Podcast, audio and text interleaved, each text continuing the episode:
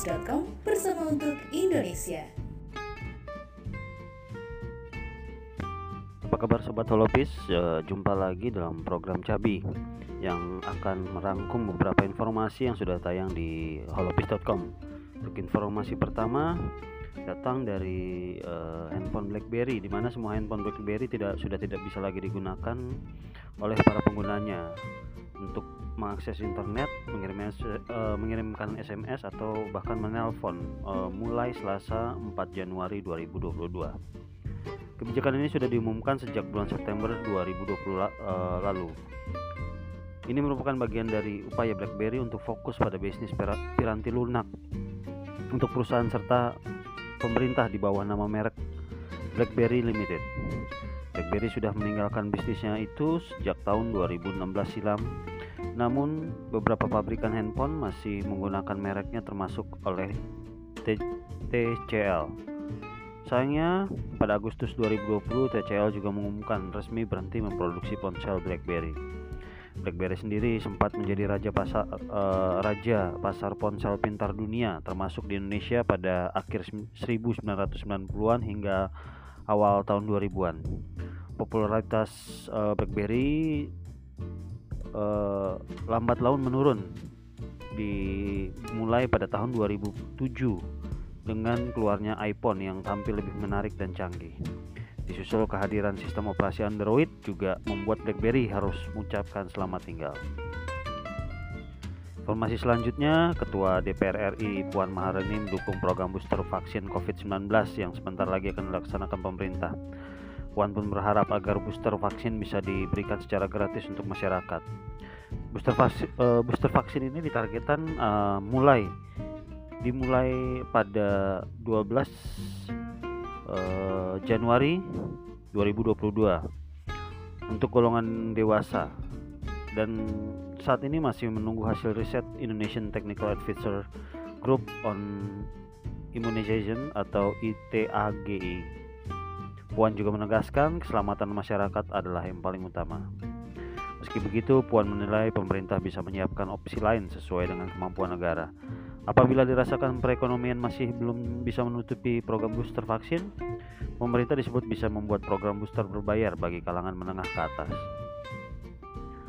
Program booster vaksin diprioritaskan menyasar kelompok lansia, peserta penerima bantuan iuran PBI, BPJS Kesehatan, dan non-PBI. DPR berharap pemerintah memperhatikan betul data kepesertaan BP, eh, PBI, BPJS Kesehatan, mengingat kelompok masyarakat ini paling sulit mendapatkan akses kesehatan. Jenis vaksin booster COVID-19 yang akan digunakan masih dalam tinjauan ITAGI. Eh, apakah merek Moderna atau jenis lainnya? Namun pemerintah merencanakan akan memberi setengah dosis vaksin booster uh, booster karena efektivitasnya sama saja dengan pemberian satu dosis.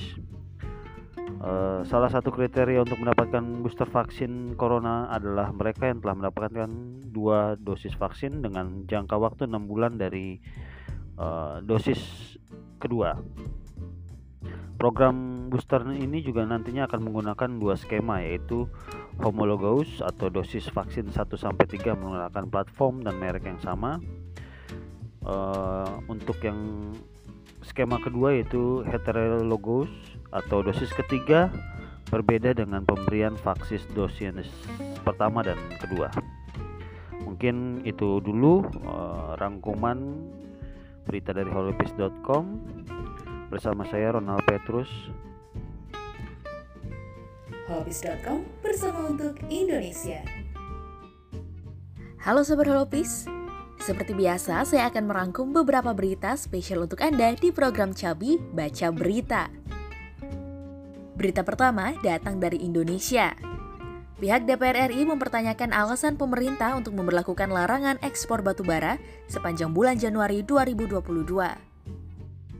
Anggota Komisi 11 DPR RI Said Abdullah menilai langkah tersebut justru berdampak pada penurunan berkah devisa negara. Terlebih, hal tersebut belum menghitung pendapatan pajak dan bukan pajak yang didapatkan oleh pemerintah. Diketahui peluang devisa yang dapat Indonesia peroleh dari ekspor batubara mencapai 3 miliar dolar Amerika Serikat per bulannya. Ketua Badan Anggaran DPR RI itu melanjutkan, pelarangan ekspor juga berdampak pada perusahaan perkapalan. Menurutnya, perusahaan akan terkena biaya tambahan penambahan waktu pemakaian atau demurrage yang cukup besar, yaitu 20.000 hingga 40.000 dolar Amerika Serikat per hari per kapal, yang akan membebani perusahaan-perusahaan pengekspor. Masih berita nasional kali ini dari dunia hiburan. Selebgram Gaung Sabda Alam Muhammad atau Gaga Muhammad dituntut hukuman 4,6 tahun oleh jaksa penuntut umum atas kasus kecelakaan yang menimpa selebgram Laura Ana. Pada tuntutan yang diberikan oleh JPU, dianggap Gaga melanggar undang-undang tentang lalu lintas yang menyebabkan kecelakaan. Tuntutan ini dibacakan oleh JPU saat persidangan kasus pelanggaran lalu lintas Gaga Muhammad di Pengadilan Negeri Jakarta Timur. JPU menyatakan selebgram Gaga Muhammad bersalah karena terbukti mengendarai mobil dalam pengaruh minuman beralkohol. Pada persidangan kasus ini, sederet selebgram yang merupakan sahabat dari mendiang Laura Ana juga ikut menyaksikan, seperti Keanu Angelo dan juga Erika Carlina. Seperti diberitakan sebelumnya, setelah kepergian selebgram Laura Ana, kasus ini terus dikawal oleh kakak dari Laura Ana, Greta Iren. Masih dari berita hiburan, kali ini dari internasional. Aktor Hollywood Arnold Schwarzenegger dan Maria Shriver secara resmi bercerai setelah berpisah sebelumnya selama lebih dari satu dekade. Schwarzenegger dan Shriver berpisah setelah 35 tahun menikah dan dikaruniai empat orang anak. Surat perceraian keduanya menunjukkan bahwa tidak ada perjanjian pembagian biaya namun keduanya memiliki ruang jika ingin menuntut harta di masa depan. Sebelumnya, pada tahun 2011, Shriver menggugat cerai Schwarzenegger setelah aktor berusia 74 tahun tersebut menghamili salah satu staf rumah mereka. Kabar tersebut pun menghebohkan media, namun keduanya tetap menjalankan perceraian secara tertutup. Kita lanjut ke kabar COVID-19. Lebih dari satu juta populasi di kota Yuzhou, China dihimbau untuk tidak meninggalkan rumah mereka. Hal tersebut dilakukan setelah ditemukan tiga kasus tak bergejala di kota tersebut. Semua komunitas akan membuat penjagaan dan gerbang untuk secara ketat menerapkan langkah-langkah pencegahan dan pengendalian epidemi. Tak hanya melarang masyarakat dari keluar rumah, kota tersebut telah mengumumkan penghentian sementara bus dan juga taksi, serta menutup mal, museum, dan tempat wisata turis. Seperti diketahui, Beijing tengah membuat strategi Zero COVID-19 dengan mengetatkan peraturan perbatasan sejak virus pertama kali tersebar. Namun, strategi tersebut tampaknya semakin mengalami banyak tantangan dengan China yang akan segera menyelenggarakan Olimpiade musim dingin Beijing. Itu dulu rangkuman berita dari saya di Cabi Baca Berita. Sampai jumpa dan salam sehat untuk Sobat Holopis.